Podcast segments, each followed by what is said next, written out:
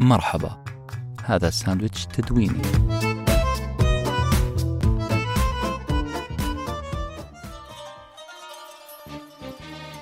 قد أكون في نومة عميقة. قد أكون مضلل من قبل قوى خفية تلوث تفكيري وتعبث بوعي. قد يخونني البصر والسمع واللمس فأعيش وهما كأنه حقيقة. قد أكون غير موجود من الأساس. فكيف أثبت أنني موجود؟ من هذه التساؤلات بدأ ديكارت طرح الأسئلة الشكاكة. ديكارت يقول بعدها طالما إني أشك وأفكر وأسأل نفسي إذا هنالك عقل خلف هذه الأفكار. وطالما أن هنالك عقل يفكر إذا هنالك شخص يمتلك هذا العقل. شخص حقيقي يفكر ويشك. إذا أنا كشخص موجود ولست وهما أو نائما أو تتخطفني الشياطين. من هنا انطلق ديكارت في عبارته الشهيرة قائلا أنا أفكر إذا أنا موجود. طريقة ديكارت الاستدلالية واللي سميت لاحقا بالكوجيتو. راح تعرف عنها الكثير إذا قرأت كتاب قصة الفلسفة للمؤلف ويل تيورانت. وعلى نفس نهج ديكارت. اخترعنا عبارة تقول أنا أفترض إذا أنا موجود. سبب اختراعنا لهذه العبارة كثير من الناس تشتكي من القراءة بطء القراءة. تشتكي من نسيان المعلومات من عدم الاستفادة مما يقرؤون. كثير من المعارفي يشتكون من عدم القدرة على الوجود الجسماني والتواجد النفسي أثناء القراءة. لذلك راح نقدم لكم اليوم موديل عملي لمقولة أنا أفترض إذا أنا موجود. وعشان نطبق هذا الموديل كل اللي عليك تسويه أنك تضع فرضية قبل القراءة فرضية معينة ومن خلال قراءتك تثبت أو تنفي أو تعدل في هذه الفرضية. بهذه الطريقة أضمن لكم أنكم ستقرؤون بشغف بسرعة وبإتقان. راح نطبق هذا الموديل عمليا على أقصوصة ألزهايمر أقصوصة ألزهايمر من تأليف غازي القصيبي وضعنا فرضية مفادها أن روح غازي القصيبي ظهرت جلية في الأقصوصة روح غازي القصيبي ظهرت في أقصوصة ألزهايمر لكن السؤال الأهم ما هي روح غازي القصيبي؟ ما هي الروح التي سنفتش عنها أثناء القراءة؟ من أجل ذلك استدعينا كل ما نعرف عن القصيبي مقابلات أشعار والأهم سيرته الذاتية اللي اسمها حياة في الإدارة. استنتجنا من خلال هذه المصادر أن الروح العملية لغاز القصيبي هي التي ستظهر في أقصوصة ألزهايمر. في البداية ليه اخترنا قصة ألزهايمر؟ قصة تعرفي على ألزهايمر مضحكة ومحرجة بعض الشيء. هي قصة أي إنسان يعتبر نفسه محور الكون. وعلى فكرة طبيعي جدا أن تمتلك هذا الشعور. طبيعي أن تعتبر نفسك محور الكون. إحنا كبشر صعب أن نرى أنفسنا مخطئين. الشخص الغلطان عادة الشخص المتعدي البخيل هو شخص آخر غيرنا. كل واحد فينا في قرارة نفسه يعتبر نفسه مخلص البشرية. النموذج المثالي لكل شيء. وكما تقول نظرية الكهف لأفلاطون نحن الشيء الحقيقي أمام شعلة النار وباقي الناس مجرد ظلال مشوهة حتى لو كان لك سلسلة من أربعين شبيه فأنت تعتقد بأنك الرقم واحد في هذه السلسلة والباقين هم أشباهك على نفس هذا النمط كنت أتساءل ليه الناس تستخدم دائما لغة هجومية مع بعض؟ ليه صعب عليهم انتقاء الألفاظ بعناية؟ ليه تخرج الكلمات من أفواههم بدون رقيب أو حسيب؟ رقيب أو حسيب اللي هو الدماغ لماذا وكيف وإلى متى؟ هذه التساؤلات عشت في ظلالها متنعم بعيد عن الإحساس بالذنب لأنني ببساطة لا أستخدم لغة عنيفة أو محرجة أمام الآخرين أو هكذا كنت أعتقد لأن قصة تعرفي على أقصوصة ألزهايمر أثبتت أني واحد من البشر. أنتج كلمات جارحة بلا حسيب أو رقيب. حصل معي في مساء يوم ما أن سألتني زميلة في فعالية ثقافية عن اسم شخص يعمل معنا في نفس الصالة. قطبت جبيني لتظهر تعرجات كأنها علامات تعجب مستلقية على ظهرها وقلت بنبرة ساخرة. آخر واحد تسألي عن اسم شخص هو أنا. أنا عندي ألزهايمر حاد كانت مجرد ثواني صمت بسيطة بعد تفوهي بهذه النكتة انهالت علي بعدها نظرات سخط من هذه الزميلة نظرات سخط غير مفهومة وقالت بصوت حاد وجاد ألزهايمر ما هو مزحة أبدا أتعرف ما معنى أن تنسى من أنت؟ أن تنسى التفاصيل المهمة اللي أعطت حياتك معنى؟ أعتقد يا أستاذ أن مرضى ألزهايمر يستحقون أفضل مما فعلت. بعد هذا الشور العاتب الساخن على راسي رجعت البيت أنظر فقط لسقف الغرفة أتأمل في اللاشيء كأنها محاولة مني لإيجاد تحليل منطقي لما حدث. كانت ليلة عايشت فيها ضمير ملتهب نوعا ما وفضول كبير أنا أعرف. ما الذي جعل الفتاة كهذه تمتلك حساسية شديدة جدا ضد المزاح. بكلمة الزهايمر. قررت بعد هذه الليلة أن أقرأ ما تيسر من المؤلفات عن مرض الزهايمر فوقع اختياري على رواية وأقصوصة. الرواية كانت ستيل أليس لروائية ليزا جنوفا والثانية أقصوصة الزهايمر لغازي القصيبي قرأت مقتطفات من الرواية الأولى ستيل أليس وبدأت أفهم كم هو من الصعب أن تصاب بألزهايمر. أليس كانت سيدة كبيرة؟ في يوم من الأيام نظرت للمرآة فوجدت انعكاس لصورة امرأة كبيرة. امرأة لا تعرفها. أليس وبسبب المرض نسيت صورتها الحديثة نسيت أنها كبرت في السن. توقعت أن ترى وجهها شاب قبل عشرين سنة. أليس فقدت من ذاكرتها مرحلة زمنية طويلة مرحلة التدرج. تدرج فيها شكلها ووعيها بنفسها. فوجئت أليس بشخص لا تعرفه أمام المرآة. في هذه اللحظة أنا فتحت عيني على مصراعيها وأيقنت أن دور الأدب أن يرمم إنسانيتنا. الأدب يصطادنا بشباك الوعي وطعم اللغة الراقية. ومثل حكاية شهرزاد وشهريار اللي يقضي معها القارئ ألف ليلة وليلة احتوت أقصوصة ألزهايمر على ألف طعم وطعم. كل طعم منهم اصطادني بطريقة عجيبة. مثلا الهمزة اللي اعتلت كلمة ألزهايمر. هذه الهمزة اصطادتني من أول نظرة. نعم همزة استخدمها المدقق اللغوي وربما بإعاز من غازي القصيبي نفسه. أعتقد أن الهمزة كانت محاولة للفت انتباه القارئ. لفت نظره لإيش؟ بأنه ال في كلمة ألزهايمر ليست ال التعريف بل هي ألف لام من أصل الكلمة. فلا يوجد مرض مجهول اسمه زهايمر بل مرض معروف اسمه ألزهايمر. هذه التفصيلة البسيطة تركت بداخلي انطباع أن ما سأقرأه الآن شيء فاخر يستحق الالتهام بدون تأنيب ضمير. الطعم الثاني في أقصوصة ألزهايمر هي صفحة الإهداء. المهدي كان غازي القصيبي والمهدى هم فئة معينة من القراء. سماهم بأصحاب القلوب الذهبية. الإهداء لحاله كان تسويق ناجح للكتاب لأنك بمجرد اقتنائك لهذا الكتاب ستمتلك عضوية شرفية في نادي القلوب الذهبية. وهذه ليست المرة الأولى التي أرضخ فيها لتسويق غازي القصيبي لأنه في مرة رحلت بي أبياته الشعرية إلى رحلة استوائية.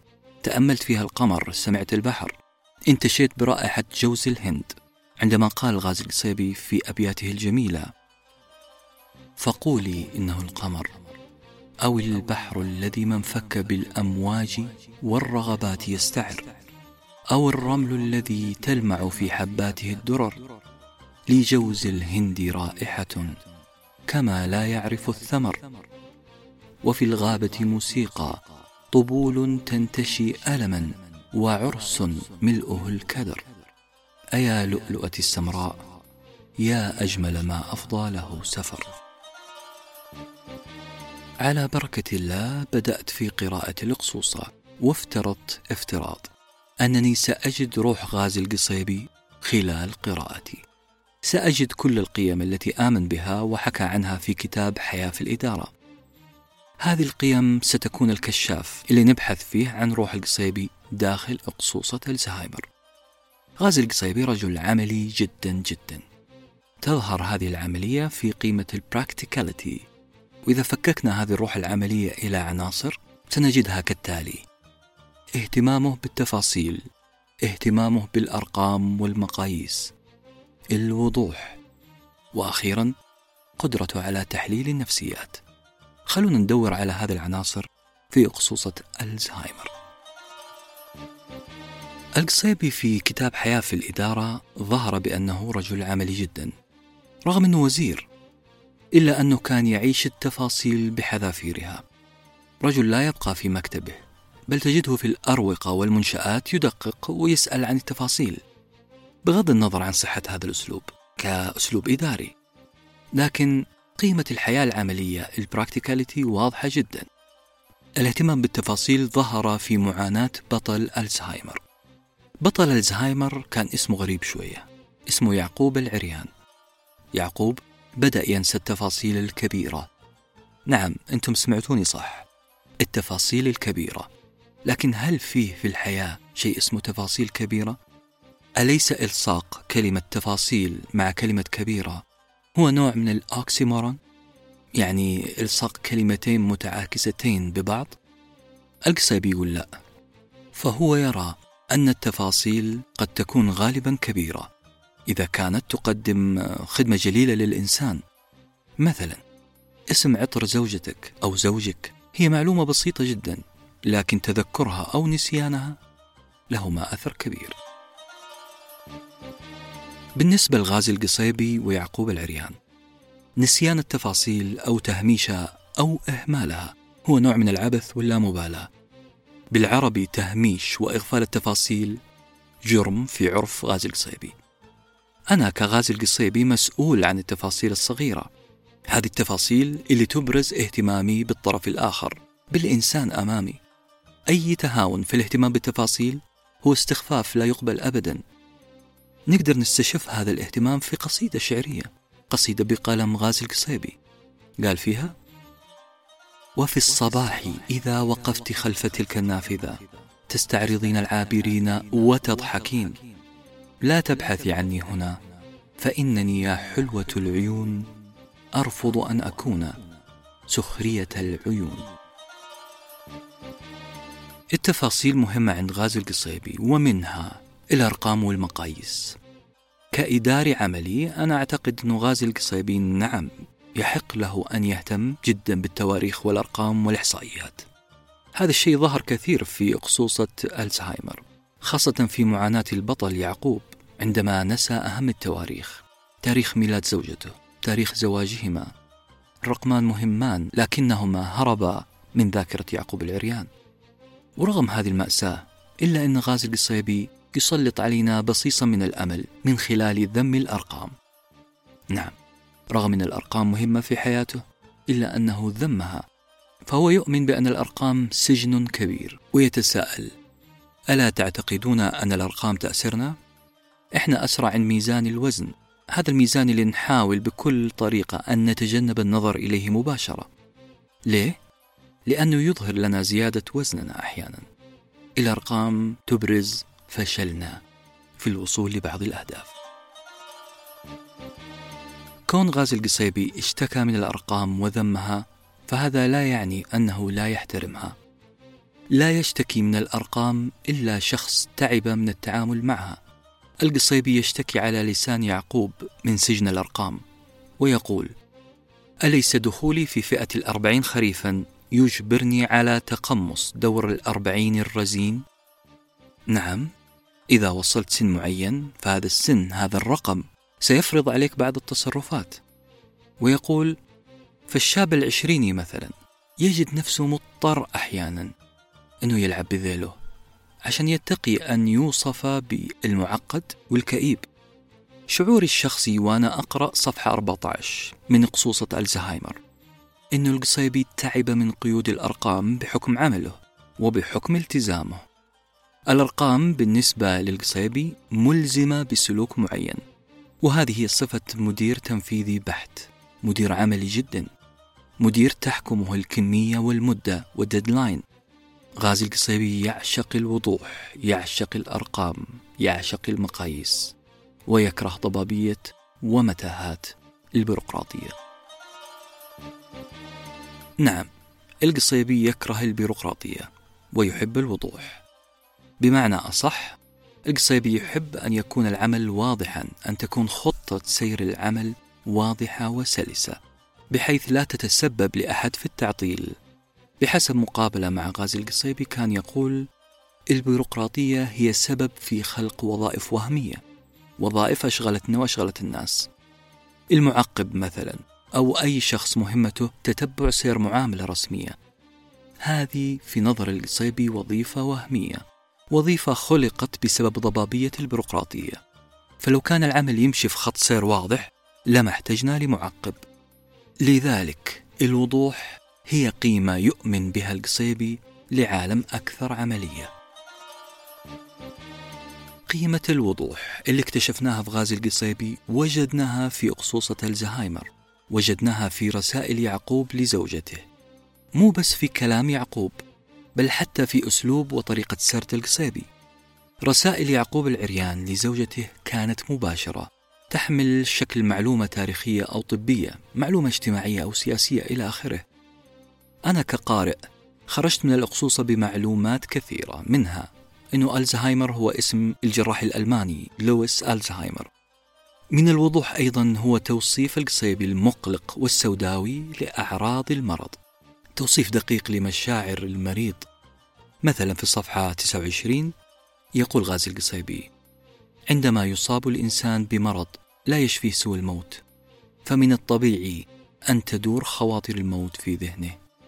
هذا الوصف أجبرني أن أحمر خجلا. كلما تذكرت تهكمي بمرضى الزهايمر. القيمة الأخيرة اللي اكتشفناها في غازي القصيبي هي عشقه لتوصيف السياق كاملا. سياق أي شيء يتحدث عنه. المكان مثلا الزمان القيم الحالة النفسية للمتواجدين في هذا المكان. تظهر إمكانيات القصيبي في سبر أغوار النفس البشرية. القصيبي مثلا كان يتحدث عن ابن يعقوب بطل الرواية. هذا الابن كان متيما بلعبة اسمها الجنائزية. هذه اللعبة يتظاهر فيها الطفل بأنه مات فيتخشب في زاوية الغرفة. أو مثلا كان يمثل بأنه غرق في المسبح وأنه ابتلع كمية كبيرة من المياه. كان يتظاهر بالسعال لإيهام عائلته بأنه في خطر. القصيبي كان يتساءل بلغة جميلة جدا محاولا تفسير ما يدور في عقل الطفل. هل هي محاولة للفت الانتباه؟ أم هي محاولة لنيل بعض الحب والاهتمام؟ هل هي بدافع الغيرة؟ حب الذات أم بحث عن انتماء لهذه العائلة؟ هذا التحليل يحسب لغازي القصيبي ومسباره المتعمق في النفس البشرية. في النهاية نقول علاقتنا بالأقصوصة غريبة. تكونت علاقة سرية خاطفة وسريعة جدا.